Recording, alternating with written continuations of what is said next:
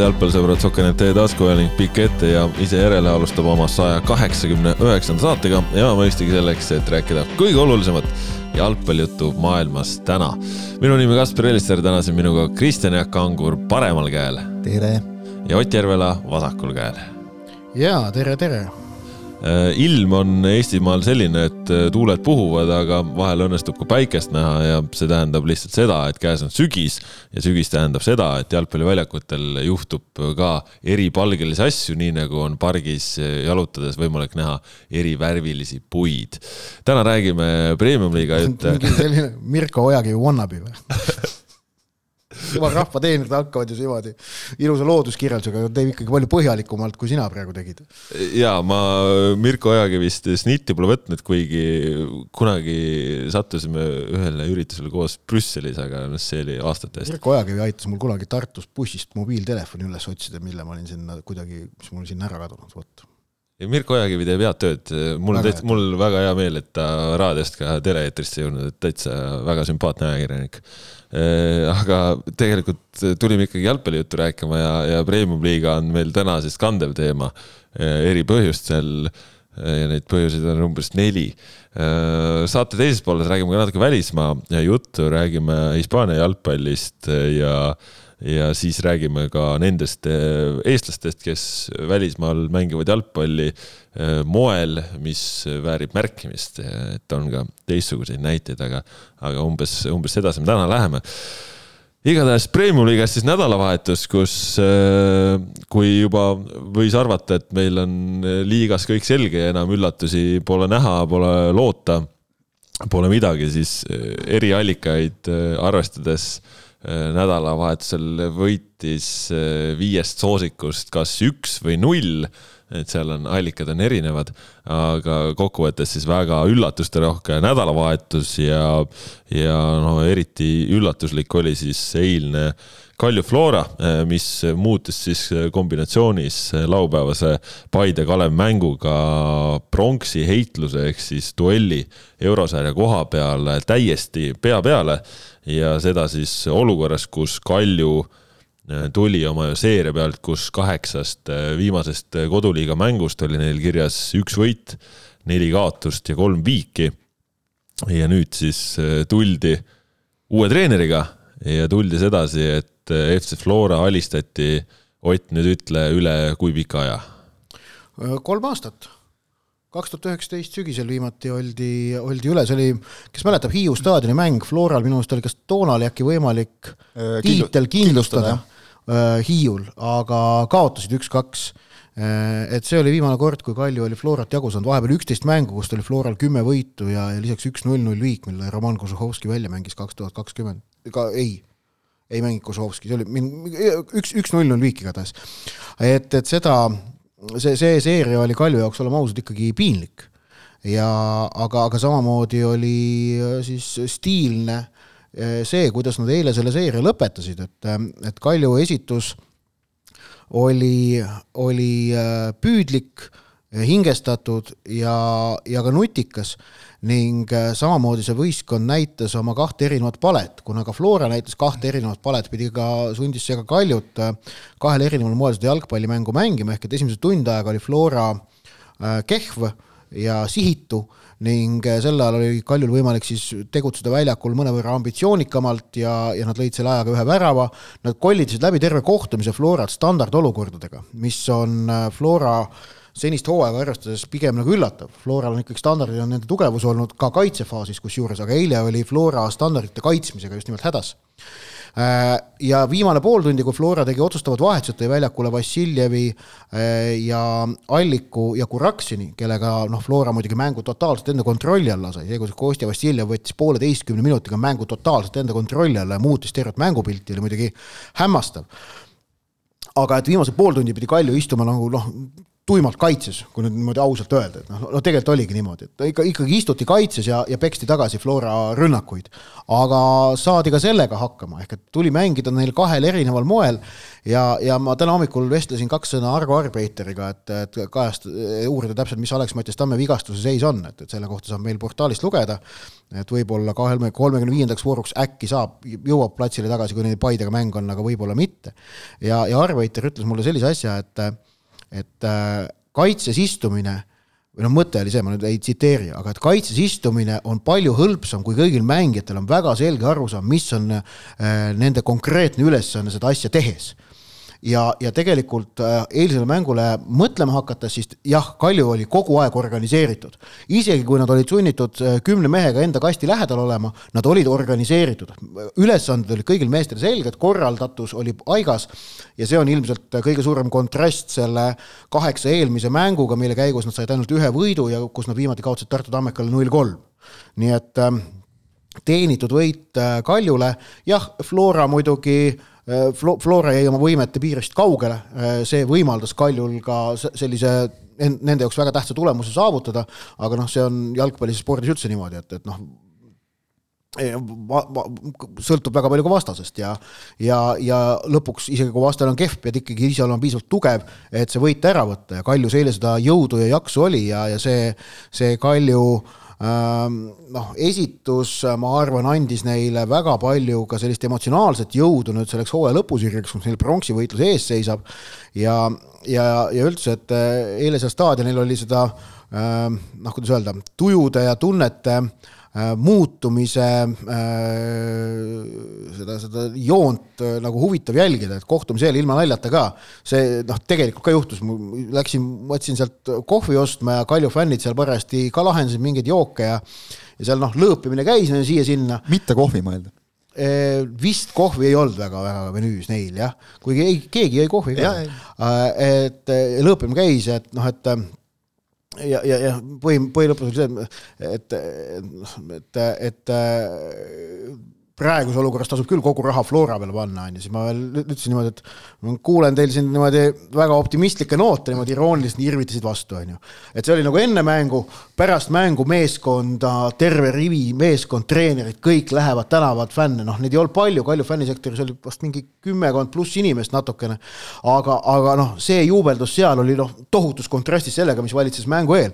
ja samamoodi Flora fännid laulsid ähm, lõpuvile kõlades Eesti meistrid ole, Eesti meistrid ole tee, aga noh, noh, noh jah, ja kõik on õige ja ongi ja aga no seal ikkagi väikene hapude viinamarjade natuke, nüanss oli kindlasti juures, sest et natuke ikka pärast kaklust rusikatega vehkimine. ei no, saja punkti jaht, lörris, kaotuseta hooaeg, lörris äh,, kaotuseta seeria lõppenud, noh, need asjad eh, ikkagi hinge peal lähevad, noh muidugi see ilmselt tähendab seda, et Flora on viimased neli mängu eh, paneb, paneb, paneb täie rauaga, et ahti tigedaks nüüd, jah. kusjuures ma ei tea, eh, huvitav küsida tegelikult, et kas nagu sellest ka äkki meeskonna sees juttu oli, et selles mõttes Kaljul on nagu topeltvõit, et Floraga on mängida ka Paidel veel Ja. Flora nüüd enam nagu küll ühelegi mängule ja neil küll ei lasta nagu sirge jalaga tulla, et, et see ja noh, seal ei ole ilmselt vaja isegi treenerit midagi öelda, mehed nagu küll siin Kostja ise motiveerib, kui vaja on riietusruumis, eks ole, kui ta näeb, et keegi seal hakkab midagi nagu lõdvalt võtma, ikka juhtub, eks ole, ilmselt lasti ikkagi natukene see pähe endale, see, see tiitli kindlustamine. no, no ja tegelikult. oleme ausad, nagu läbida terve pikk hooaeg nagu ilma sellise sisuliselt seni ju ainsagi libastumiseta, eks, et noh, mingil hetkel nad peavad ikkagi tulema, et, et see muidugi täielik noh, Jürgen Henn oli prohvet, kui ütles eelmise mängu järel, et vot me, trump on see, et mis mulle endale meeldib, et eelmisel aastal tuli nagu vääratusi sisse, sel aastal oleme kindlalt kõik läbinud, siis tuli selline mäng kohe otsa, eks. Ole, aga see on paratamatu, see on pingelangus, noh see, et ei maksa nüüd nagu arvata ka, et Florale midagi kergelt oleks tulnud sel aastal, kaugel sellest, eks ole, et, et lihtsalt natukene anti järele, Kalju kasutas selle ära, nad olid ka noh, oma treeneri vahetusega nagu emotsionaalselt sellises heas seisus, eks ole. ja, ja sealt ta tuli, et ma arvan, et siin äh, neid, kui rääkida sellest enne mängu ennustamisest, et neid oli ilmselt päris palju, kes nagu panid, tegid kombopanuse, et, et võidab Flora, võidab Manchester City ja päris nukralt läks see pühapäev sel juhul no,.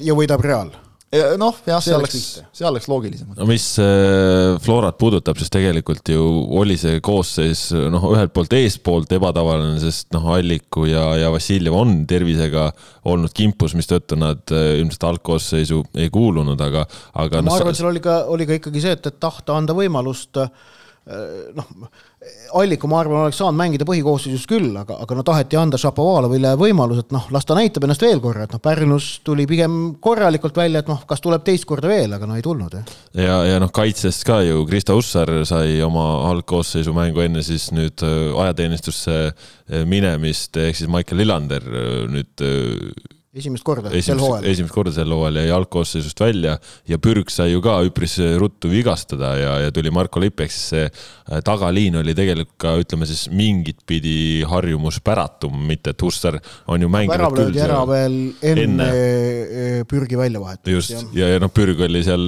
enne ka väga lähedal värava löömisel, kus lõpuks suluseis leiti, et. aga ei, ei noh, muidugi, et, et Flora ei mänginud jah, oma selle, noh, ma ei tea, ideaalse põhikoosseisuga, aga, aga noh, see noh, ütleme Jürgen Henn oli selgelt ikkagi pettunud pärast mängu, et see, et see matš selliseks läks, et noh, viimane pool tundi see nagu ilmselt natukene mahendas seda pettumust, sest siis nagu Flora tõesti mängis päris korralikult, kuigi väravani ei jõudnud. aga suures plaanis jaa, ja ma arvan, et noh, et kõige suuremad kõige suuremad küsimused selle kohtumise eel Flora riietusruumis kõlasid Vladislav Kreidale et, et tema mäng seal keskväljal noh, ei olnud, ei olnud see, mida me mäletame, milleks Greda on suuteline. see on lühidalt nüüd niimoodi pehmelt öelduna, et noh, tegelikult ta oli ikka päris kehv seal selle, selle pealt nagu täita oma esmast eesmärki ehk uuesti välisklubis leping teenida on ikka väga raske mm. -hmm. aga, aga noh, ma, ma, ma ennekõike rõhutan ka seda, et, et Kalju oli hea Kalju oli hea, Kalju oli distsiplineeritud, nad olid ja mängisid nutikalt, et, et, et noh, asi, mis on tegelikult Kaljut ka sel hooajal ju mitmel puhul ikkagi alt vedanud, on see, et mingil hetkel nagu jookseb ketas kokku. juhe jookseb kokku ja, ja siis tekivad lühised ja siis tulevad rumalad vead sisse, aga neid ei tulnud. Vladimir Avilovi mäng keskkaitses, see värav väravaks, see oli minu arust nagu üks väiksemaid panuseid tal mängus, aga see, mis ta kaitses tegi, äh, positsioonivalik duellides on ta tugev, et noh, jah, kiirusega me teame, et ta ei, ei ole kunagi säranud. noh, see on, see on väga leebelt öeldud jällegi, et et noh, et äh, jah, jah. E, e, ta sai need, ta pani need trombid maksusele ja, ja tsementeeris seda kaitset väga olulisel moel, minu jaoks kindla peale mängu parim mängija mis äh, oli siis äh, selle mängu see teine külg, narratiiv lugu juures, äh, on siis see treenerivahetus, et Kalju leeridest oli juba ju nädala alguses kuulda, et, et muudatusi on toimunud, aga Kalju ise ei kippunud nendest teatama ja, ja, ja ei teatanud ka enne mängu veel seda ja, ja, ja ütleme siis. see on jabur ju tegelikult, noh see on jabur no,. see, see, nagu kõrgliiga klubi ja nagu no, tänapäevane lähenemine. no jälle, ja me jõuame aga... sinna tagasi, millest me oleme rääkinud nagu, et mingi teatav jalgpallikultuur, mille noh, olemasolu ja jõudmist Eestisse me juba eeldame, eks ole, et me oleme siin seda Levadiat palju tampinud ka, aga kuidas Levadia teavitab oma, oma muudatustest? Korraliku pressiteatega, kus on mingid asjaosaliste laused, mingi klubipoolne ükskõik kelle öeldud hinnang ja ongi kõik, ei olegi selles, ega see on pikka juttu ei ole vaja no, teha, noh. Õnneks on äh, Sokernet, mis aitab seda ei, no kultuuri jaa, no, siis hoida te. tegelikult nagu, kuigi seda on nagu tore vaadata, siis tegelikult see on ju jabur, et, et sellise uudise, kui noh, ma, ma julgen küll öelda, et kes nagu vähegi jalgpalliringkondades sees olid, need teadsid seda noh, peaaegu terve nädala juba, nädala algusest peale, et otsuseid ei tehtud nädala alguses, nüüd pärast mängu ütlesid ka treenerid, et jah, terve see nädal on, on töö käinud siis Kaido Koppeli, Argo Arbeitri käe all, eks ole. Et sa teed nädala alguses otsuse, ma saan aru, et noh, võib-olla ei taha, et suur mäng on tulemas, et, et sa nagu ei taha kuidagi nagu juhtida tähelepanu sellele, aga teisest küljest selline imelik nagu Jaanalinnu mäng, sel-, sellest nagu ka hästi aru ei saa. Ja, ja okei okay,, et noh, teed siis mingi teadaande, aga kui, kui ilmub, mis see oli, pool tundi enne mängu algust, äh, siis Sokernetis uudis, et, et Kalju on vahetanud peatreenerit, pool tundi pärast mängu algust ilmub Kalju sotsmeediakanalitesse see, et kanalisse. kanalisse, vabandust, just, sest kes Instagrami jälgib, see ei tea siiamaani ilmselt, saab meie, meilt teada äkki, et Edi Cardoso ei ole enam Kalju peatreener. Et siis Facebooki ilmub põhimõtteliselt nagu poolteist rida, et noh, Edi läks ära ja Kaido võtab üle kõik. Et noh, see on no, naljakas, on see nagu kõrvalt natukene, üllatav ei, paraku. et kui siin viimane mäng Tammekaga oli siis ka kuidagi postitus, mis mängu lõppseisu teatas see mingil hetkel kadus jälle Facebookist, ei ole ka esimene kord, et noh, kuidagi nagu totter on see kõik, et noh, natuke niisugune lasteaiavärk aga, aga muidugi selles mõttes, noh, me oleme siin nagu kogu aeg praegu lugejaid eksitanud, et, et Kalju ei vahetanud ju peatreenerit. protokollis on Kaido Koppel olnud peatreener hooaja algusest peale, litsentsi tõttu, aga jah, noh, ega see nüüd, jätame selle ironiseerimise, et äh, hea otsus, kui vaadata mängu tulemust ja vaadata just mitte tulemust isegi ainult, vaid seda, kuidas Kalju mängis. ja, ja vaadata seda ka, et noh, kas Kaido Koppeli ja Argo Arbeiteri tandem on võimeline vedama klubi, mis tahab olla Eestis medalimängus ja nüüd on ka, vägagi. et natukene tekitab küsimuse, noh, kas, kas, kas on vaja neid välismaa treenereid meil siia nagu nii hirmus palju, et neis nähakse ka mingisugust mingisugust imerelva, aga noh, täpselt nii, nagu me ei saa Erling Haalandit siia Eesti liigasse paraku, ta miskipärast ei taha tulla, ta küsib natuke suuremat palka, kui maksta jõud-, jõutakse. siis need jah, siis need head treenerid küsivad ka natuke rohkem. Nagu. et äh, muidugi võib nagu täppi panna, aga et, et noh, toome välistreeneri. noh me oleme näinud sel hooajal, kus need välistreeneritega on läinud. no sel hooajal jah, kui me vaatame nüüd äh, puhtalt äh, ära saadetud äh, treenereid, siis Eesti treenerid on, on nagu kippunud püsima ja, ja välistreenerid on need, kes siis on on kippunud lahkuma, et mõlemad. ja lahkuma seejuures hooaja sees, mis näitab seda, et midagi on vist väga mäda nagu juba, et see, et sa ei pikenda lepingut treeneriga, et noh, ei tulnud välja, see on üks asi, aga teine on see, et noh, ütleme, Tammekal oli vaja natukene ikkagi mingil hetkel juba ju päästma hakata ja kui vaatad, et mida Tammekas on teinud Martti Pähn, eks ole, mida noh, Kaljus nüüd ühe mänguga küll, eks ole, on on teinud Kaido Koppel ja, ja Koppel, kes ju Tammekas tegi tegelikult pikalt head tööd, võib-olla juhtus natuke see, et jäi liiga pikaks ajaks ühte kohta, aga see, et, et ta on nagu hea treener, ma arvan, selles ei tohiks küll küsimust olla et noh, kui me praegu vaatame noh, laiemalt ongi siis noh, Santos on läinud, Cardoso on läinud, Savits läks, Kalanetšenko läks. jah, tema läks, tulija läks. päris ruttu, et. et noh, kes meil on jäänud, eks ole, noh, Kožuhovski on ka pool eestlast juba peaaegu nagu arvestades, kaua ta siin on töötanud et noh, ütleme jah, Kožovski on nagu hea näide, eks ole, et, et tuled, sul on omad põhimõtted, paned nad toimima ühes klubis, siis teises, tegelikult isegi kolmes klubis ju võib öelda, ta ju alustas Ida-Virumaalt, eks ole. siis Kaljus, siis nüüd äh, Kuressaares ja, ja noh, nüüd ju jätkab, sest töö on hästi tehtud, aga samas, eks ole, on ka need näited just serblased, äh, ka Sergei Frantsev, et äh, eduni võid jõuda tiitliteni jõudsid, eks ole, nii, nii, nii ütleme siis Marko Savits kui ka, kui ka Frantsev, aga et kui jätkusuutlik see nüüd jällegi on, see on omaette küsimus. et noh, ma, aga Frantsev sai kinga äh, neli kuud pärast meistriks tulemist, äh, Savits seitse kuud või lõpp Savits lahkus omal soovil ei, no jah, okei okay., aga, aga noh, vot portugallastega on nüüd küll nagu natukene see ka, et ma ei tea, mul tuli lihtsalt nagu pähe neid klassikuid parafraseerides, et äkki nende kohta võib ikkagi öelda, et see, mis sobib enam kui kümnemiljonilise kuumaverelise portugallase jaoks, et Portugal... see elementaarse loogika järgi ei sobi ühe koma kahe miljonilisele Põhjamaa rahvale. aga portugallaste kaitseks ma nüüd meenutan seda, mida Toomas Häberli kevadel märkis pärast seda, kui olid meistrivõistluste, ta oli esimesed paar kuud oli mängitud ja ta tõi välja, et, et vaata, kui ta kaks tuhat kakskümmend üks tuli, ta kurtis selle üle, et Premium-liigas kaitsemäng pole piisavalt heal tasemel ja, ja tänavu nüüd aasta aega hiljem küsiti ta käest selle kohta üle, ta ütles, et tema meelest kaitsemäng tänavu kaks tuhat kakskümmend kaks Premium-liigas on parem kui kaks tuhat kakskümmend üks ning tõi eraldi välja, et tema meelest need Portugali treenerid on suutnud kaitsemängu korrastada nii siis Kaljus kui ka Tammekas. ja kui me hakkame mõtlema, Kalju kevadel tõesti kaitses ikkagi äh, Väga kenasti, aga, aga noh, Cardosol mingil hetkel kadus ilmselt see, võistkond ei reageerinud enam. minu meelest nii Cardoso kui Santose puhul just täpselt see, et, et miks ma selle parafraseeringu välja tõin, et see lihtsalt tuligi pähe selle pealt, et probleem ei olnud nagu nende kvaliteedis treenerina probleem oli selles, kuidas nad oma ideed olid neil ju head ja õiged, Tammeka ju tahtis mängida, oli aru saada, mida ja, nad tahavad ja, teha. Pähn ju väga palju pole muutnud. ja, ja Pähn ei ole tohutult palju muutnud, eks ole, lihtsalt noh, idee on sama, eks ole, ega nüüd ju siin Koppel ja, ja Arveiter ka nagu meeskond ei pannud järsku täiesti teistmoodi mängima, eks ole aga kuigi noh, ümberkorralduse viimaste mängudega ikkagi oli. seda küll jaa, aga noh, ütleme see, minu meelest ikkagi põhiprobleem on olnud nagu see mingisugune see suhestumine meeskonna või kontakt meeskonnaga, et, et see on kuidagi nagu, kas see on nüüd tingitud sellest, eks ole, et lihtsalt Portugali jalgpallikultuur miski, mida treenerid ootavad ka nagu meeskonnalt, on niivõrd teistsugune võrreldes Eesti omaga, noh mine võta kinni, selleks peaks olema, eks ole, ilmselt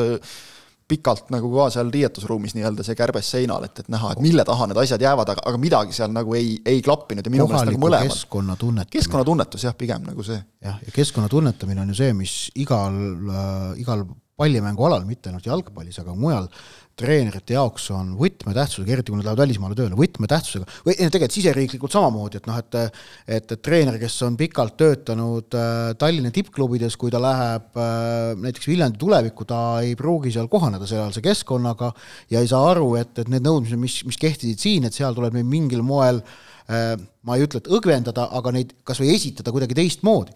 et, et see on, see on ju võistkonnanadel paratamatu, et, et selleks, et treeneril säiliks noh, ei piisa ainult sellest, et sul on paberi peal kirjas, et tema on peatreener, teda tuleb austada, sellepärast et tema käsku täita ja tema, tema nime, tema, tema korraldusi täita, et meil ühe, kõik üheskoos oleks parem. et kui see võistkond ja need mängijad ise siiralt ei usu, et selle treeneri meetodid aitavad neid eesmärkidel edasi või, või, või, või see treener on lihtsalt äh, mingil muul põhjusel seal ei, ei suuda selle mängija või võistkonnaga kontakti saavutada, siis kannatavadki tulemused ning tule, selle kõige tagajärg alati on siis ka see, et, et peatreener lõpuks äh, saab kinga, et niimoodi asjad profispordis käivad.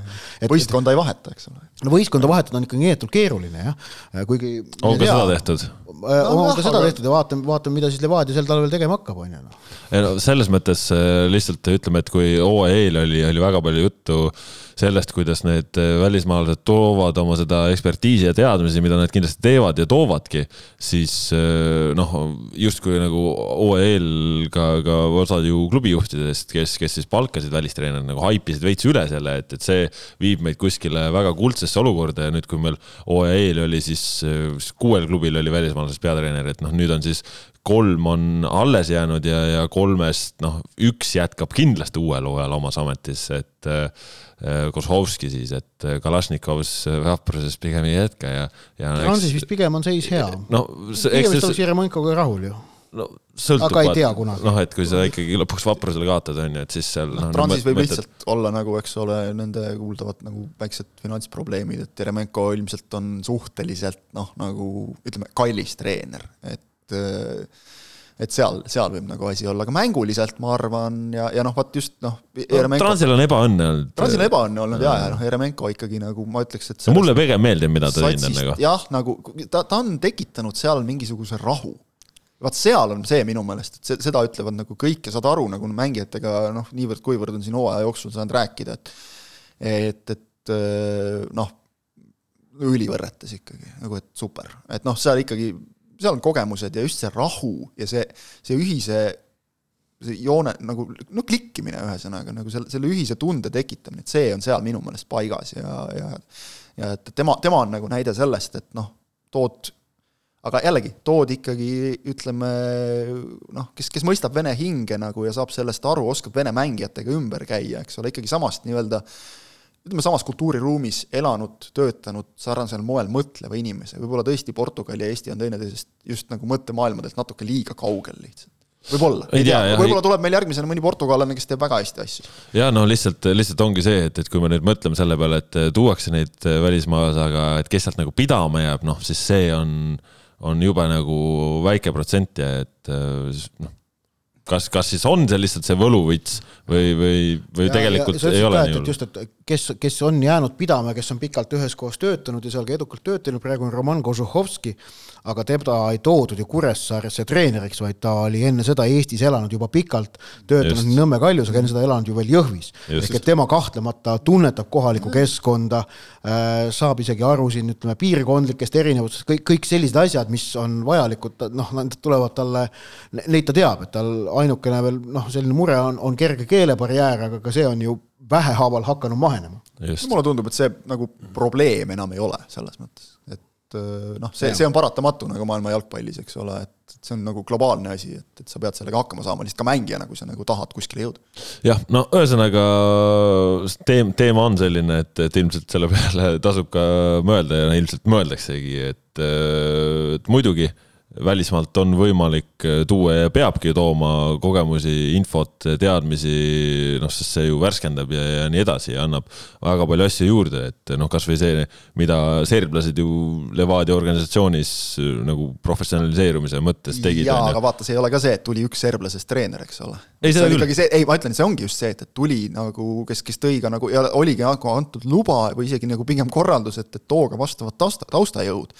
rääkis isegi Ivan Stoikovitš, peatreeneriks treeneriks saamise järel, et kuidas tal on veel plaanis Serbiast kedagi tuua, et noh, nagu nii-öelda kokkulepe on olemas, eks ole, et, et see, see ongi, see, see on süsteemi ülesehitamine, eks ole, ja ja, ja, ja sealt Levadia võib veel, kui nad, kui ta nagu õigesti käitub, tegelikult noh, veel pärast nüüd serblaste lahkumist võiks nagu mitu aastat veel vilju lõigata. aga, aga kui sa tood lihtsalt ühe treeneri, siis, siis tekivad seal mingisugused käärid natukene, tihtipeale ja äh, vot ühesõnaga sel aastal siis äh, praegu on Eesti treenerid kokkuvõttes ikkagi oma tööga paremini hakkama saanud, seda näitab meile statistika. Just, ja, ja. noh, ikkagi see ka, et, et kui tuleb treener välismaalt, jäin veel mõtlema, et noh, ükskõik kui head näiteks, ütleme siis Kalju näitel on Koppel ja, ja Arbeiter, et see võtab ju ka aega, kuni sa nagu nendega ühise keele leiad, ega see treenerid äh, ilmaasjata nii-öelda tänapäeval aina enam tiimidena ei liigu. Et see on ju loomulik, et sul on mingi oma punt, eks ole, siis on klubis veel inimesi, kellega sa siis nagu hakkad sidemeid looma, aga et, et kui sa nagu oled, noh, sa jääd üksi selle asjaga natukene seal siis on, siis on väga keeruline. aga see kõik algas äh, Kalju võidust, äh, mis siis äh, oli igas mõttes murranguline ja, ja tõi meile murrangu ka premium-liiga tabelisse, sellepärast et kui enne vooru oli Paide tabelis kolmandal kohal ja, ja ees siis ootas mäng Kaleviga, ehk siis potentsiaalselt oli variant kasvõi korraks see vahe kuue peale käristada, siis nüüd Paide noppis ise neljas, sellepärast et tei-, vabandust jah, laupäeval kaotati siis äh, kodus Kalevile üks-kaks olukorras, kus äh, Kalev oli, oli kõigepealt jätnud realiseerimata penalti, Paide sai, sai ette, aga siis suutis Abdulrazak Jussif äh, üpris mõttetud kollased kaardid omale võtta, Paide jäi vähemusse. vabandan, idiootsed on õige sõna, mida sa otsid. jah, äh, Kalev äh, sai indu juurde sellest, võttis mängu enda kätte, Taavi Jürisoo esimest korda Premium-liigas algkoosseisu kuulunud seitsmeteistaastane ääreründaja lõi äh, palli võrku üks-üks ja siis täiesti mängu lõpus üheksakümmend pluss juba tiksus, kui Jan Jakovlev äh, tuli kontrasse enda väljaku poolelt, hakkas jooksma ja läks kogu Paide äh, meeskonnas siis läbi nagu läheb nuga võist, mis on laua peal pikemat aega seisnud ja, ja rappis sealt selle kaks-üks tabloole ja oligi Paide pika ninaga ja Kalju võitis, sai nüüd nendest mööda ja meil on see euro heitlus nüüd ikka täiesti pea peale pööratud. Paide jällegi näitab noh, ka ju võistkond Eesti treeneri juhendamise käe all, et äh, see stabiilsus, mis valitses euromängude sees, on nüüd liigas üpris kadunud äh, ja, ja, ja no muidugi Paidel on vigastustega probleeme, puudujatega on probleeme, olulised lülid noh, kasvõi Ragnar Klavan, Siim Luts äh, on nendes äh, viimase aja duellides puudu olnud, kus need. Mihkel Aksalu ka ikkagi tuleb öelda, mitte et Jarju oleks nüüd halvasti mänginud, aga noh, seal see kogemuse vahe on sees, et, et Aksalu väljakul olemine ikkagi tekitab äh, noh, et, et kuidas ta võistkonnale mõjub, eks ole. me panemegi kolm, no Aksalu, Klaavan, Luts, need on, kui Frolov kõrvale jätta, need on kolm, on vist meeskonna kõige kogenumad liikmed, noh, okei okay,, Möölil on ka väga palju muidugi ette näidata. aga, aga noh, sa võtad kolm sellist nagu tugitala ära, et, et kui sa võtad kaks tükki Velerat, siis, siis nagu veel midagi on, aga nüüd on kõik kolm on puudu olnud tegelikult juba mõnda aega.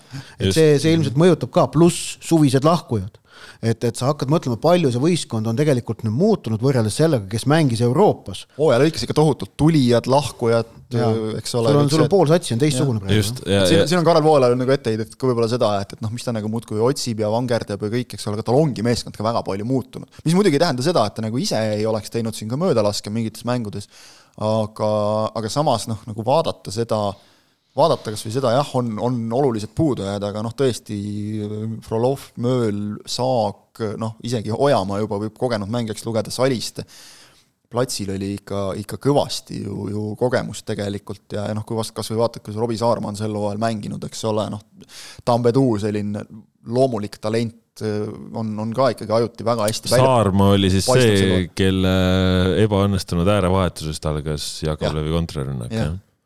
Et noh, natukene jällegi nagu see, et okei okay,, sa, kui sa kümnekesi mängid, sa võid ju minna nagu küll, noh, peadki minema võiduväravat püüdma, aga et sa ei saa tagalat niimoodi tühjaks jätta. kuigi noh, tegelikult tagala ei olnud tühi, seal oli kolm meest, sest Jakob jooksis kõigi kolme vahelt läbi hooga. aga siin ma hakkaks aga... natukene vastu vaidlema, et oleme ausad, et, et ega Paidel olnud väga vahet, kas viik või kaotus. no seda ka muidugi, jah aga, aga ühesõnaga, milleni ma jõuda ma tahtsin? arvan, et see risk oli mõistlik no ühesõnaga. milleni ma jõuda tahtsin, sa ei tohi eksida lihtsalt selles olukorras. no eksida ei tohi niikuinii. tahtsin jõuda nagu selleni, et, et noh, tegelikult nagu vaadates seda koosseisu ja noh, ega nüüd Kalev ka nagu päris papist poistega vastas ei olnud, mõned noored, aga aga neil olid seal ka ikkagi noh, mõnigi päris kogenud mees väljakul. et eh, noh, on sul see treener seal platsi kõrval või mitte, et noh, sellises kohas, kui tahad nagu pronksmedalit saada, siis see võistkond peab, Paide-sugune võistkond ikkagi peaks olema nagu võimeline jõuga sellise mängu ära võtma või, või noh, tõesti vähemalt siis viigi kätte saama, arvestades seda Jussifi tõesti noh, idiootset äh, eemaldamist. mis tal oli viieminutises, kaks kollast, eks ole, teine oli veel selline ka, et noh, kuhu sa lähed keskväljal küünarnukiga pähe hüppama vastasele. esimene oli ju ka keskväljal. ja samamoodi noh, ja ei ole tal ju nagu esimene kord, eks ole, selliste asjadega eksida, et mingil hetkel nagu tundus siin hooaja alguses ka, et okei okay,, need jäid eelmisesse sinna õppimise hooaega, et et nüüd enam ei tule, aga tal just nagu kompuuter kiilub kinni ikka täiesti kohati, et äh, arusaamatud asjad natukene. ja kui tegelikult nüüd nagu vaadata, mis mängud ees ootavad, siis tundub, paberil noh, meil on siin enne ka tundunud asjad selged. enne seda vooru tundus ka selge, Kalju kaotab Florale, Paide võidab Kalevit, ju ta nii läheb, ei läinud. ja enne, enne kui Paide oli kolmanda koha peal, siis Kalju oli ju üheksa punktiga oli ees äkki või et. aga et noh, kui vaadata nagu praegu seda, et et, et siin omavaheline mäng on veel ees ootamas, aga selle peaks Paide võitma kahe väravaga, et omavaheliste mängude arvestuses ette saada. Paidel on mängida Floraga, kes nagu juba rääkisime, noh kurjaks aetud. kurjaks aetud jah, ära mine karu torkima see koht, eks ole. on mängida Levadiaga, kes noh, ikkagi on nagu mingil määral jalad alla saanud siin viimastes voorudes ja, ja vähemalt tulemused ära võtnud. ja, ja kes neil kaitses mängib no järgmine tu-, tulemuse nüüd viimases voorus võtsid ära, et No no, vahepeal seal. Leegioniga okei okay., nüüd ongi viimane Aga mäng kes-, järgmine mäng ongi ju Levadiaga, aa Levadial on samamoodi Aga ka kes- Mitrovic puudu. Mitrovic küll, aga noh, ütleme, Paidel ei ole ikka mitte kedagi panna sinna kaitsesse. Levadia võtab on- seal, Tarboe, Ojamaa No- no,, Mööl võib mängida keskkaitses. no võib jah ja,. Jaa, kelle aga- sa keskväljale paned siis? aga seal seal, seal ongi jah, selles mõttes, et kui sul on ikkagi Klaavan ja Jussif puudu, noh, Pelt tuleb nüüd tagasi, et äh, noh, seal noh, Tarboe, Ojamaa on variandid, noh. Mööl on ka ikkagi variant, ma arvan, noh, ta, ta, ta, no noh, ei kindlasti on variant ja ta kogemustega mängiks välja küll selle koha, aga vaata, kui sul on Ojamaa, kes noh, ütleme ei ole nagu nüüd ka meeletult pikk mängija. Ojamaa mööl nagu keskkaitsepaariga, noh, võib natukene kohati minna keeruliseks, aga, aga noh, eks see on nuputamise koht. Simon vist on ka väljas, eks ole, minu meelest ta oli pingil seega. ei ole, ei ole. olemas? ei Okei. jah, Simon on olemas. Et äh, selles mõttes jah, seal noh, ma mõtlen jah, järgmises mängus, Levadia mängus. jah, ei ta oli hoia, oli äh, kaardi kaugusel keelust, aga, aga ei ta saanud, ei, ta ei mänginud jah. no Mošnikov on ka võtta, et noh, ütleme mängijaid nagu on, aga, aga kuidagi Paidel on need asjad nagu pilla-palla ja ma ütleks, et selles mängus ikkagi natu-, nagu natukene tahaks küll öelda, et äh, see jäi ikka mängijate taha. see jäi ikka pigem nagu mängijate taha ja, ja need on nüüd sellised, millega Paidel on olnud terve sellel hooajal probleeme nagu natukene sellised laenates vapruse ründajalt Ronaldo Tiismaalt et millega Transile võidu võtsid, tati ja tahtejõuga. sellest on jäänud äh, nagu Paidel sellistes mängudes puudu minu meelest. nojah, aga Teibis läinud, Singateh läinud, Palumets läinud, Luts katki Klaavan katki, Aksalu katki. kõik õige, aga mõned Ja, mehed ja. on ikka alles ka. ja ei, seda küll jaa, aga no praegu ma lugesin Ja kuus kuus põhimeest ette. Muutused on suured ja tegelikult- ja tegelikult ütleme, et noh, Paidel, kui nagu vaatad, et et nad said e- kätte oma selle eurokoha, mida nad tahtsid, no neil on karikavõit nüüd käes, neil läks Euroopas hästi. et kui sa vaatad, kui kaua nagu oma asja on ehitanud Flora Levadia Kalju, kui kaua Paide, et siis ma ei tea, ei ole Paide kontori ukse vahelt sisse piilunud, kuidas seal meeleolud on, aga, aga arvestades nende nagu seniseid hoiakuid, ma julgeks arvata, et et seal nagu seda muret ei ole, et nagu niimoodi väga kiirelt ahneks minnakse. et Ei, seda suudetakse jalad maas hoida, et noh see, see ei ole nagu noh, nüüd ka mingisugune nagu katastroof, mille üle rapsima hakatakse. aga, aga mõttekoht on kindlasti. no eks see näitabki ka lihtsalt veel seda, et noh, Paide ongi noor klubi ja, ja võib-olla ka just see mentaliteedi kasvatamine, et Jah. et sa oledki suur ja sa võtadki jõuga mänge ära, et see on see, mida Paidel veel ei ole ette näidata, et. et, et just see mentaalse poole kasvatamine, et muidugi seal võistkonnas väga palju mängijaid, kes on võitnud väga palju erinevaid asju, aga, aga lihtsalt, et kuidagi nagu võistkondlik tunnetus ongi see, mis, mis tuli, kui sa äh, karikas seal järjest äh, kasvõi läbi penaltiseeria noppisid asjad endale, läksid edasi, kui sa eurosarjas noppisid neid üliolulisi võite kasvõi seal penaltiseerias, et see nagu lõi seda vundamenti, aga nagu näha, siis maja veel nii-öelda pole valmis saanud ja, ja noh, praegu. kohati, kohati lööb ikka välja see, et ah oh, küll tuleb suhtumine nagu natuke. no natukene jah. natuke oli, no ma nagu selles Kalevi mängus. Leegioniga üks-üks mäng versus siis Leegionile kümme-null on ju ja. et vot jah, sihuke üles-alla hüpped, et noh, see ei ole ju väga loogiline, aga, aga võib-olla ongi see, et võib-olla noh, nagu eeldame Paidelt natuke liiga suurt küpsust, et ongi vaja veel veidikene kasvada, areneda. aga no muidugi fakt on see, et nendel nüüd väga-väga keeruline on selle, selle pronksi võtmisega, et seal nüüd, nüüd on jälle noh, ise mängisid trumbid, mis nendel käes olid, mängisid ära, andsid vabatahtlikult vastasele, et võtke ja tehke. ja noh, selle eest nad saavad ainult iseennast süüdistada, et siin ei ole mitte millegi mitte millegi taha pugeda, et. ega, ega ei poe ka, et vaatad kasvõi Mööli intervjuud pärast mängu, siis ütles, et noh, peas kinni. ja oli aru saada, et ta tahaks tegelikult võib-olla veel nagu karmimalt öelda seal natuke. tabeliseisu mõttes on nüüd see, et punkte on võrdselt äh, Kaljul, Paidel ning äh, ning nagu öeldud, Kaljul esinelikust mängimata ainult Paidega, Paidel aga lisaks veel Levadia ja Floraga ka. nii et äh, äh eeldades, et Kalju, kui Kalju võidab kolm ülejäänud mängu, mida nad ei pea Paidega, seal vastas olid vist Leegion, Kalev ja Trans. Trans. Transvõõrs, transvõõrsil. siis on, siis, siis on Paidel, siis on Paidel vaja lisaks Kalju alistamisele alistada kindlasti ka Tammeka, kes on nende viimase vooru vastane ja siis kas Flora või Levadia. E, et see on, see on siis, sel juhul lõpetatakse võrdsete punktidega ja noh, kui eeldame, et siis Floral Levadial teise mängu näiteks Paide kaotaks, et on ju, ja siis, ja siis võrdsete punktide puhul vaadatakse omavahelisi mänge, kuna Paide nüüd viimase on ju võidaks, siis oleksid mõlemal kaks võitu, Paidel oleks vaja seal siis võita kahe väravaga, siis nad saaksid omavahelistes mängudes väravate vaheplussi, on ju. et noh, midagi ei ole veel nüüd võimatut Paide jaoks ja kui Kalju juhtub kuskile punkte kaotama, siis, siis on nagu Paide seis kohe mõnevõrra, mõnevõrra roosilisem, aga tegelikult reaalselt on nüüd pronksi soosik on nüüd ikkagi Nõmme Kalju kindlasti, ja just vaadates nagu seda Paide mängupilti ka, et seda, mismoodi mängiti Kalevi vastu, seda, mismoodi mängiti Kuressaare vastu, noh just see nagu selline noh, küll ta, küll ta kuidagi. see, seda on nagu, oleks ta ühes mängus, juhtub, aga nagu päris mitmes mängus kuidagi nagu häirivalt palju olnud ja nädalavahetusel juhtus veel põnevaid asju.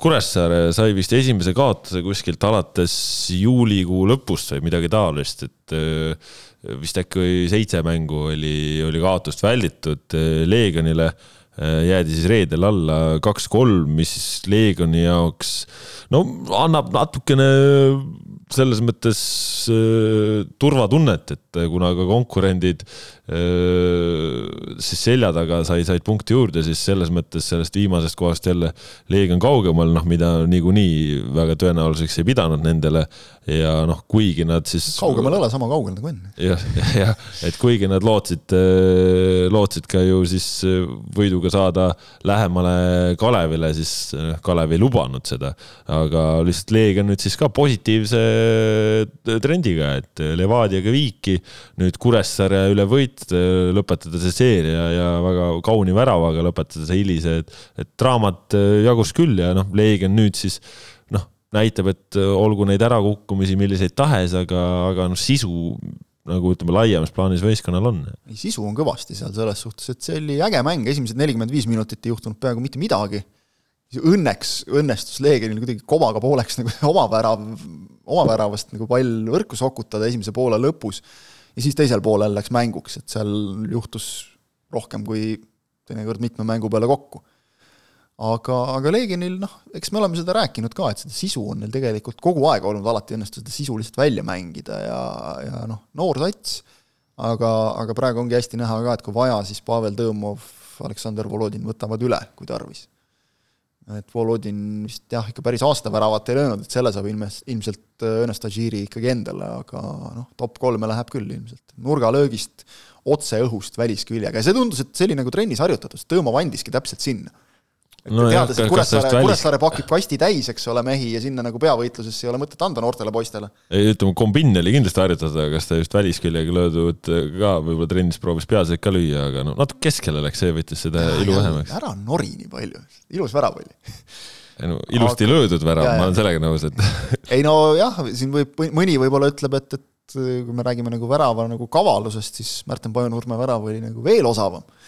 nägi ära, et Ivan Spoturit seisis vales kohas, et, et ja igatepidi nagu äge mäng, aga noh, natukene selline mäng ka, et, et kus sellised mängud võivad minna kahte moodi, kus, kus nagu kummalgi noh, nagu mingit väga tohutut nagu valu ei ole, sest et noh, Legionil ka ikkagi tegelikult on, oli üsna selge enne mängu, et mis ja kus nad on ja, ja mis nad on. ja, ja siis ongi kaks varianti, et kas see nii nagu esimesel poolajal ehk suurt midagi ei toimu või nii nagu teisel poolajal, et pannakse lihtsalt mõnuga nagu ühe väravalt teise alla olukorrad siia-sinna, väravat kordamööda ja, ja, ja kõik see, et noh, Leegion võib tegelikult väga õnnelik olla, et, et oleks oleks nad ise kaotanud, oleks Vaprus võitnud, siis see vahe oleks mitte seitse punkti, see vahe oleks neli punkti ja, ja Vaprusel oleks nii-öelda hammas verel, et seal on omavaheline mäng veel, eks ole, ja Vaprusel noh, mõni mäng veel, kust nagu annaks võtta küll, aga nüüd on see vahe ikkagi seitse punkti ja no seda on palju. ja ehk siis äh, Pärnu Vaprus lõpetas oma seeria siis kui maikuust alates või? jah, mai alguses vist oli viimane, viimane võit, üheksateist mängu. Jah, et, et noh, jälle nagu luubi pealkirjaks sai ka, et noh, ilmselt, ilmselt natuke liiga vähe ja liiga hilja, aga seda võidutunnet, seda ei võta, ei võta keegi ära ja see oli teenitud võit, nad olid Narva Transist paremad, Trans oli tõesti kuidagi uimane, nad jätsid endast ilmselt väga palju äh, nädala alguse karikamängus väljakule, Kaleviga mängisid ja, ja said seal hästi dramaatilisel moel äh, mängu viimasest löögist siis realiseeritud penaltiga said, said veerandfinaali. ehk kinnist-, kinnitasid oma seda karikameeskonna kuulsust.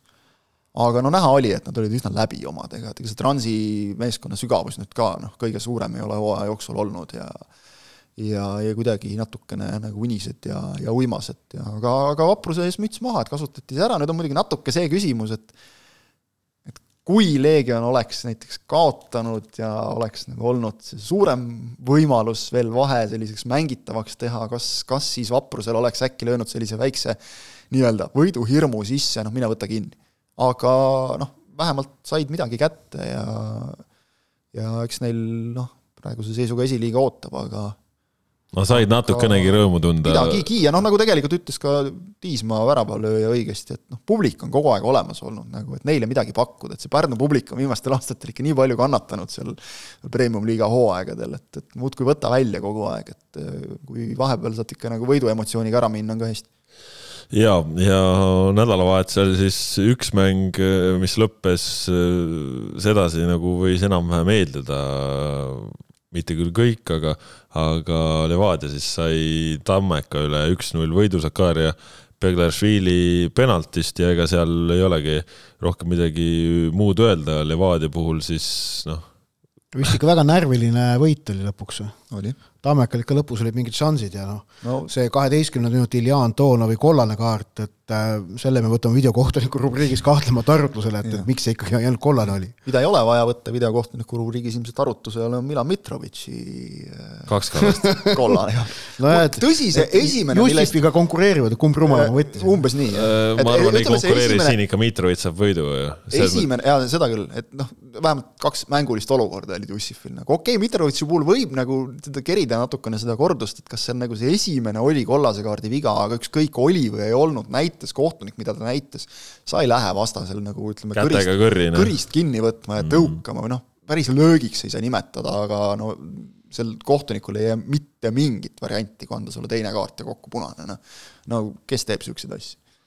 Milan Mitrovitš. Milan Mitrovitš, jah Äh, ja aga noh, Levadia puhul siis võib-olla kõneväärsem oli nii, et kui eelmise nädala saate lõpus jäime ka ootama jälle põnevaid uudiseid, siis äh, Sergei Olov-Simson, mees, kes on aastaid-aastaid Levadia tegevjuhiks olnud, juhatuse liige niisamuti, et temagi väikse pausiga küll ta vahepeal käis sealt ära sellest ametist. jah, aga ta on olnud vaata samavõrd nagu mingil määral oli Indrek Peterson nagu Levadia nägu, nii on Lois Simson olnud ka Levadia nägu, et kui sul sellised inimesed lahkuvad, see on kahju lihtsalt. siis on jah, siis midagi on natukene ikkagi nagu võib-olla valesti ka.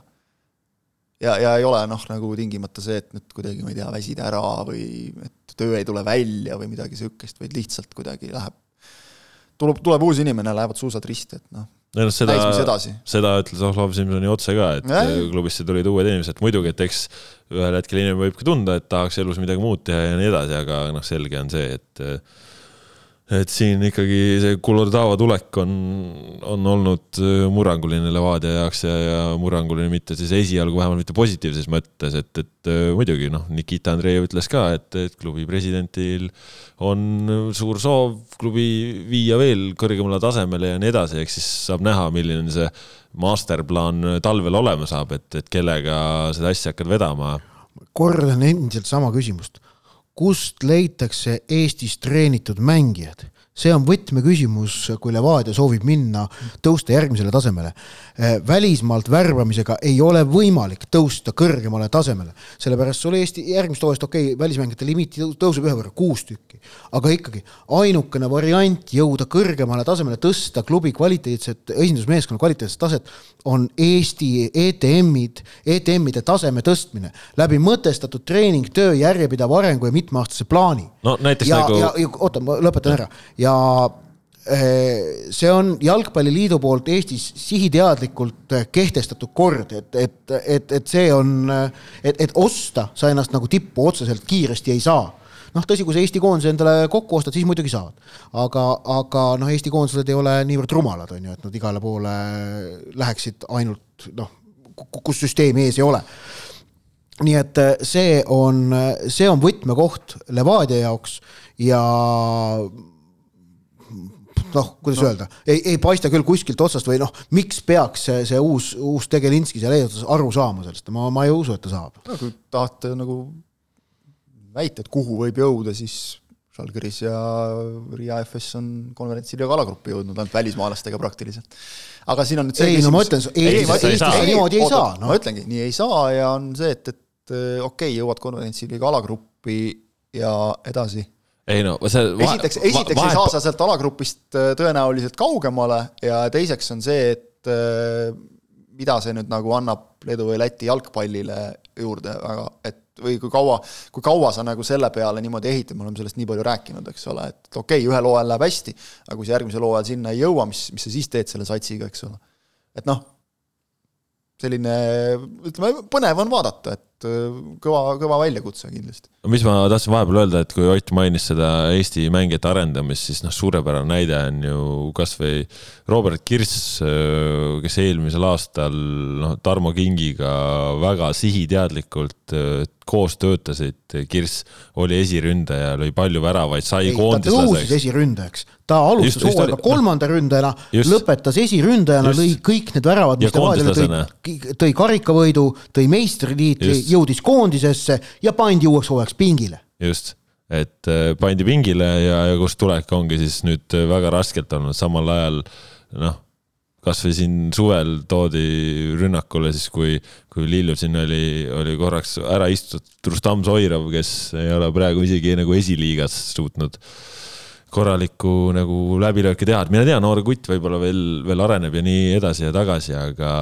noh selles mõttes, et ma loo-, siiralt loodan, et Kulor Tava teab, mis on ETM piirang ja ja, ja, ja kõik nii edasi, et noh, kui võib-olla muidugi klubi seal taustajõude enam ei ole ühtegi eestlast lõpuks, et kes talle ütleksid seda, mis siin Eesti juhendid ette näevad, aga ei no vast ikkagi. Google Translate'iga saab ikka lugeda ka seda juhendit, aga, aga Google küsimus... Translate'iga on teisi asju ka loetud ja on mitte küll, alati jah. väga puhtalt. ja, ja mu küsimus on nagu see ka, et, et noh, kaua, kaua ta siin nagu mõtleb tegutseda üldse Kulor-Tava siis Eestis, et äh, eks mis, nii kaua kui saab. no nii kaua kui saab jah, aga, aga et mis nagu jällegi, millest me oleme siin palju rääkinud, eks ole, et, et noh, seesama Kalju näide, eks ole, et, et Frantsev tegi asjad oma käe järgi, korra töötas, siis enam ei töötanud ja siis ei töötanud mitu aastat ja nüüd siis noh, nagu tegelikult ju sel hooajal pronksi konkurentsis on ikkagi korralikult püsitud ja, ja nüüd, nüüd on see pronks nagu käeulatuses ka, et see on nagu tege-, tegelikult kui Kalju peaks pronksi võitma, siis on see nagu korraliku hooaega välja teenitud.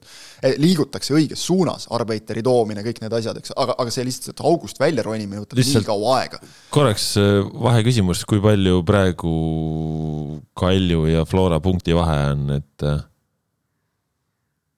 suur ja ma sellepärast äh, küsingi, sest noh, Frantsev ju eelmisel aastal juhendas ka äh, Nõmme Kaljut mäletame. nojah, aga me nägime ju seal läks nagu asi, asi läks nagu pigem, seal läks ju hooajal kakskümmend üheksa punkti.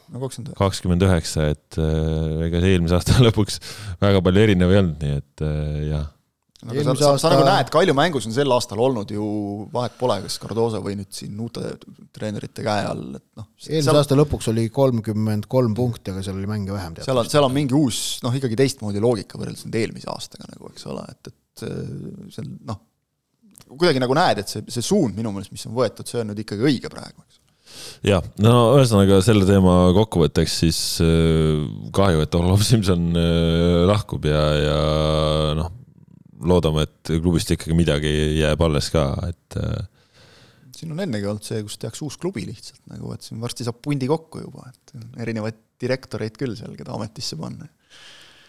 jah, no vot, nii palju siis äh, praegu eestimaisest äh, jalgpallist, räägime natukene vahelduseks välismaast ka meistrite liiga ja Inglismaaga seotud asju oli palju jutuks uduses Albionis, mida saate kuulata ka Soccernetis. küll aga ei rääkinud me seal sõnagi sellest mängust, mida me kumbki Kristjan ja Keel ei vaadanud, ehk et räägi sina, mis juhtus seal klassikus, ma tean ainult seda, et Real võitis kolm-üks, mis ei olnud üllatus, see oli ootuspärane. ma vaatasin ja... tulemusi, keitsin õlgu, et noh, normaalne. jah, jah, et aga kuidas siis nii läks, et Barcelonal jälle kõik pekkis on? Barcelona puhul on praegu tegelikult päris huvitav see, et alates tegelikult ajast, kui Xavi Hernandez äh, tuli treeneriks ja, ja Barcelona oli saanud omale uue presidendi, tundus nagu asjad hakkaksid liikuma paremuse poole. Twitterist vaatasin, Ronald Koemani võiduprotsent viiekümne mängu järel Barcelona peatreenerina kuuskümmend kuus, Xavi Hernandezil viiskümmend kuus. täpsustame seda ka, et Barcelona puhul pekkis tähendab seda siis, et üheksa vooru järel jäädakse liidrist kolme punktiga maha. ühesõnaga no,. saadi hooaja esimene liiga kaotus. laseme Kasparil rääkida. Lähen siit, lähen siit edasi, et tundus, et nagu klubi võtab mingisugust õiget suunda. kui nüüd suvel Robert Lewandowski Müncheni Bayernist üle toodi, siis oli see nagu järgmine samm, et kas nüüd see raha vaevuses Lionel Messist ilma jäänud ja kõik igasugused muud hädad kaela saanud, et kas see Barcelona hakkab oma staatust tagasi saama, et Robert Lewandowski äh, teenimatult ei ole võitnud Ballon d'Ori, sellepärast et ühel aastal lihtsalt lambist mõeldi, et ei ole vaja välja anda, kui Lewandowski oleks võinud selle võita. Äh, tundus, et nüüd on samm õiges suunas, nüüd seda kõrgliiga hooaega alustati küll õnnetu viigiga Raio Valhanova vastu, aga sealt edasi, nagu Kangur just mainis, kõik mängud võidetud, kõik on hästi, kõik on kena, justkui, aga mis on see tõrvatilgakene seal meepotis, on see Euroopa hooaeg. See, mis toimus nädala keskel Milano Interi vastu, noh, see oli juba lõpuks siis košmaar Äh, millega siis Barcelona on tänasel päeval reaalselt äh, silmitsi Euroopa liigaga ja just sellise vaimse äh, suure katastroofiga. nüüd oli see klassiko, ole mees, pane Real kinni, kukuta nii Hispaania kõrgliiga kui meistrite liiga valitseja. sa oled emotsionaalselt väga heas seisus, sa oled Hispaania kõrgliiga liider. võib-olla suudad ka selle meistrite liiga pettumuse üle elada Barcelona mängis esimesed tund aega sedasi, et eh, ega tegelikult, kuigi käidi ka ju mõnel korral rünnakul ja, ja palli vallati sutsukene enam, siis seda tunnet ei olnud, et, eh, et Barcelona kuidagi ohjaks seda mängu. Real Madrid mängibki lihtsalt väga palju konkreetsemate, lühemate rünnakutega, minnakse kiiremini ette, Karim Benzema kiire värav, see, kuidas Vinicius lasti Barca kaitseliini poolt no nii odavalt endal selja taha, noh, see oli päris huvitav.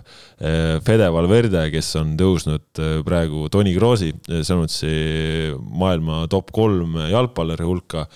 Suurepärane värav lõi kaks-null ja, ja tegelikult tundus, et see mäng saab täiesti lõpetatud, kui Benzema lõi teise poole alguses kolm-null. leiti suluseis, kolm-null ei olnud ja Saavi reageeris sellele kuuekümnendal minutil kolmikvahetusega.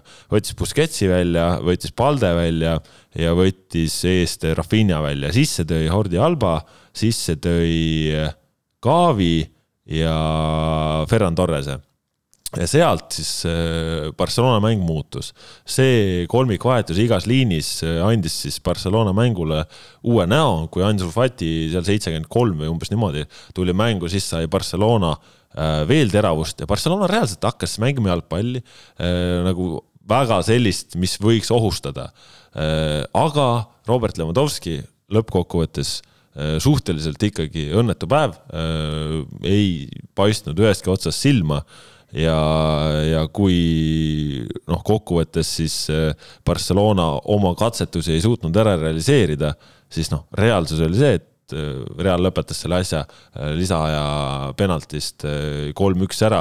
Ja, ja tegelikult nüüd, kuigi see vahe on kolm punkti Hispaania kõrgligas Realiga, siis noh, Barcelona on ikka veel oma taakades kinni vahepeal ju oli klassikost äh, viis mängu järjest äh, oldi võiduta, eelmisel kevadel võideti, tundus, et kas see on äkki mingi faasinihe.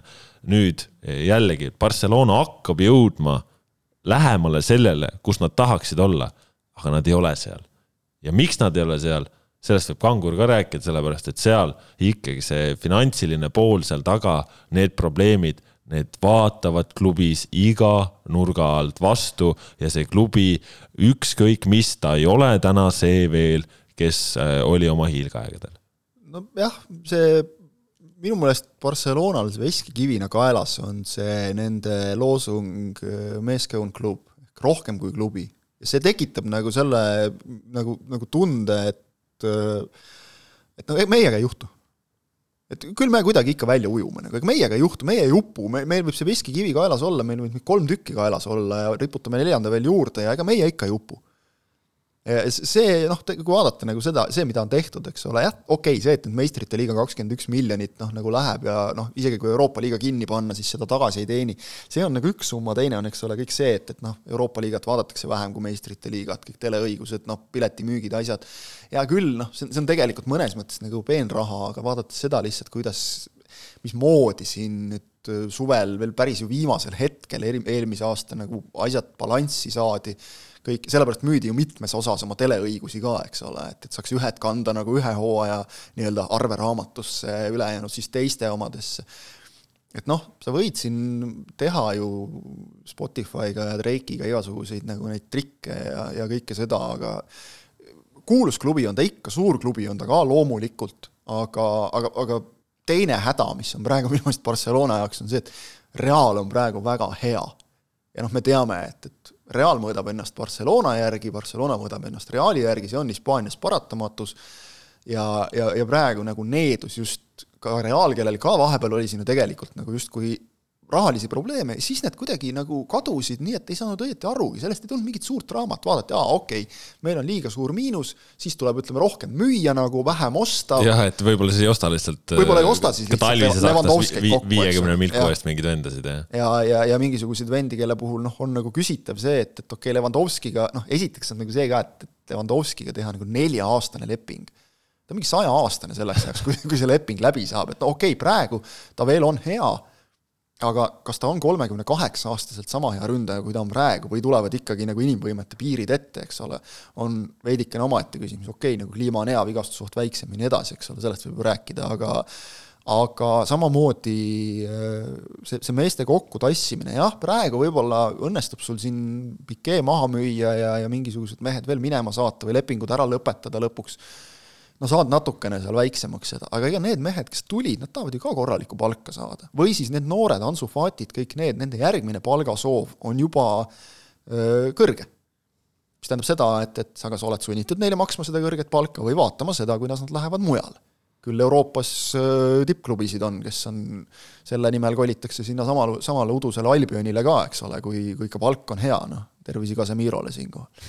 et et, et, et ega selles mõttes jälle praegu ei ole ju tegelikult mitte midagi hullu, kolm punkti liidrist, okei okay,, noh, läks meistrite liigaga nii, nagu läks. no meistrite liiga on ikkagi väga suur löök nende kindlasti on suur löök, aga vaata, kui sa vaatad nagu sedapidi, eks ole, et, et kui, kui sa jääd nagu kolmandaks äh, Bayerni ja ikkagi veel mõne aasta eest Itaalia meistriks tulnud Interi järel, et see nüüd nagu mingi katastroof ka ei oleks, kui sa Pulseni Victoria järel jääd alagrupist nagu edasipääsust ilma, siis on nagu kergelt piinlik praegu tegelikult nagu ei ole, minu meelest ei ole nagu põhjust nagu piinlikkust tundeks, kaks aastat järjest on tulnud väga kõva grupp ja seal on jäädud kolme võistkonna võidujooksus kolmandaks. noh, shit happens.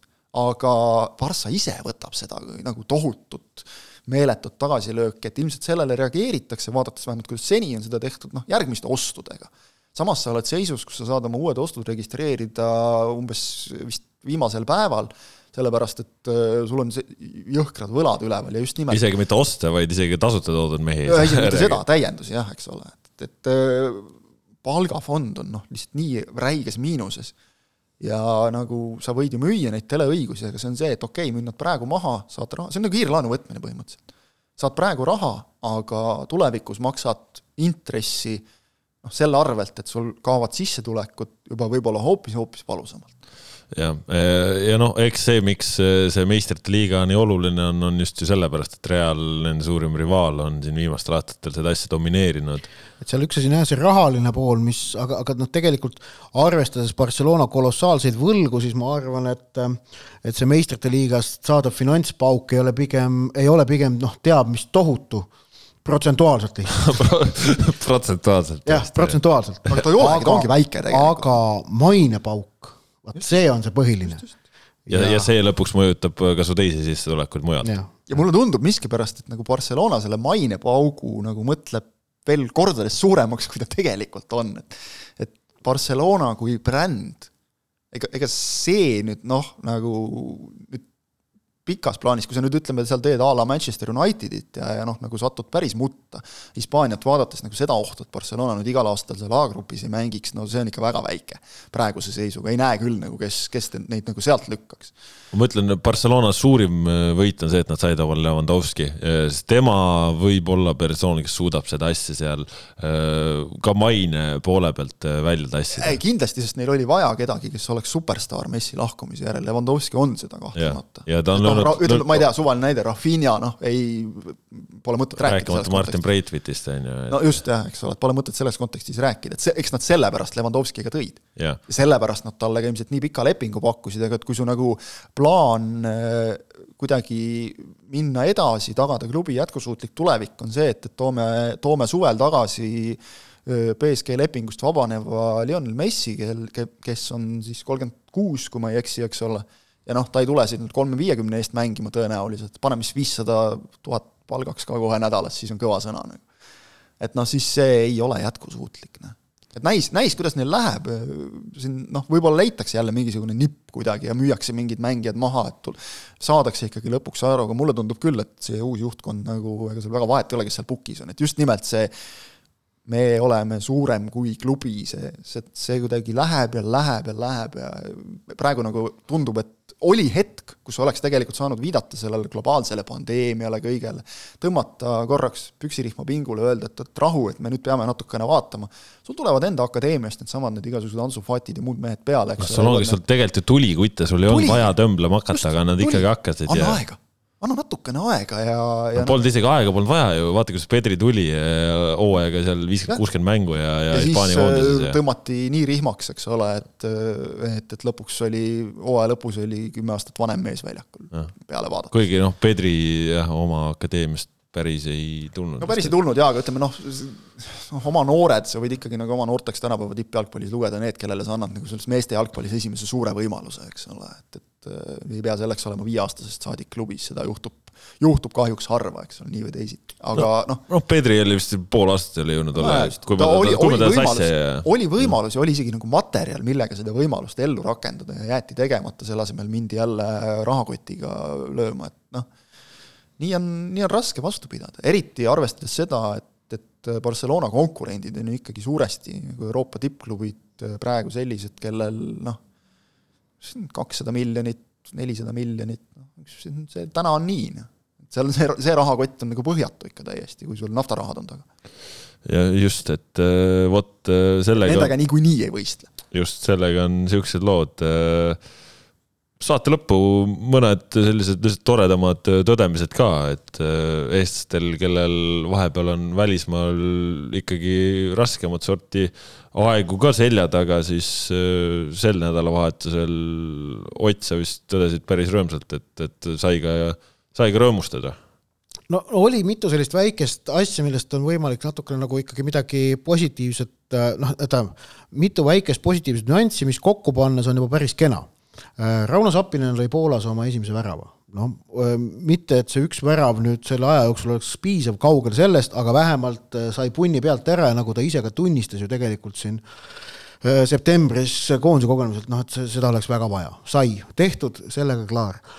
Karol Mets üheksakümmend minutit Zürichi põhikoosseisus, meeskonnal nullimäng, punkt Berni Youngboysi vastu, Zürichi olukord muidugi on jätkuvalt väga halb, aga Mets on nüüd pääsenud põhisse äh, paaril puhul järjest ja nüüd ka nullimäng, noh, üldiselt pärast, pärast head esitust kaitseliini välja ei vahetata teatavasti tore, tore areng siis võrreldes äh, nädala äh, keskse või neljapäevase ja. Euroopa liiga mänguga. mul on nagu üldse tundnud, pärast treeneri vahetust nagu Metsa olukord on läinud vähe paremaks seal klubis. jah ja., siis Rocco Robert Shane sai mängida pool, teise, terve teise poole BSV Eindhoveni vastu, jah, Utrecht kaotas selle üks-kuus, no selles ei ole midagi nagu, tulemus ei ole midagi väga üllatavat. sama suur kaotus, kui Zürich sai noh jah, jah, aga. ja vaadates, kuidas BSV paugutab nagu aga Euroopas, siis noh. just BSV, BSV on, BSV on Euroopa liiga ikkagi edasipääsuklubi ja selle vastu sellist kogemust või sellist praktikat saada Eesti jalgpalluri jaoks on, on kõva sõna.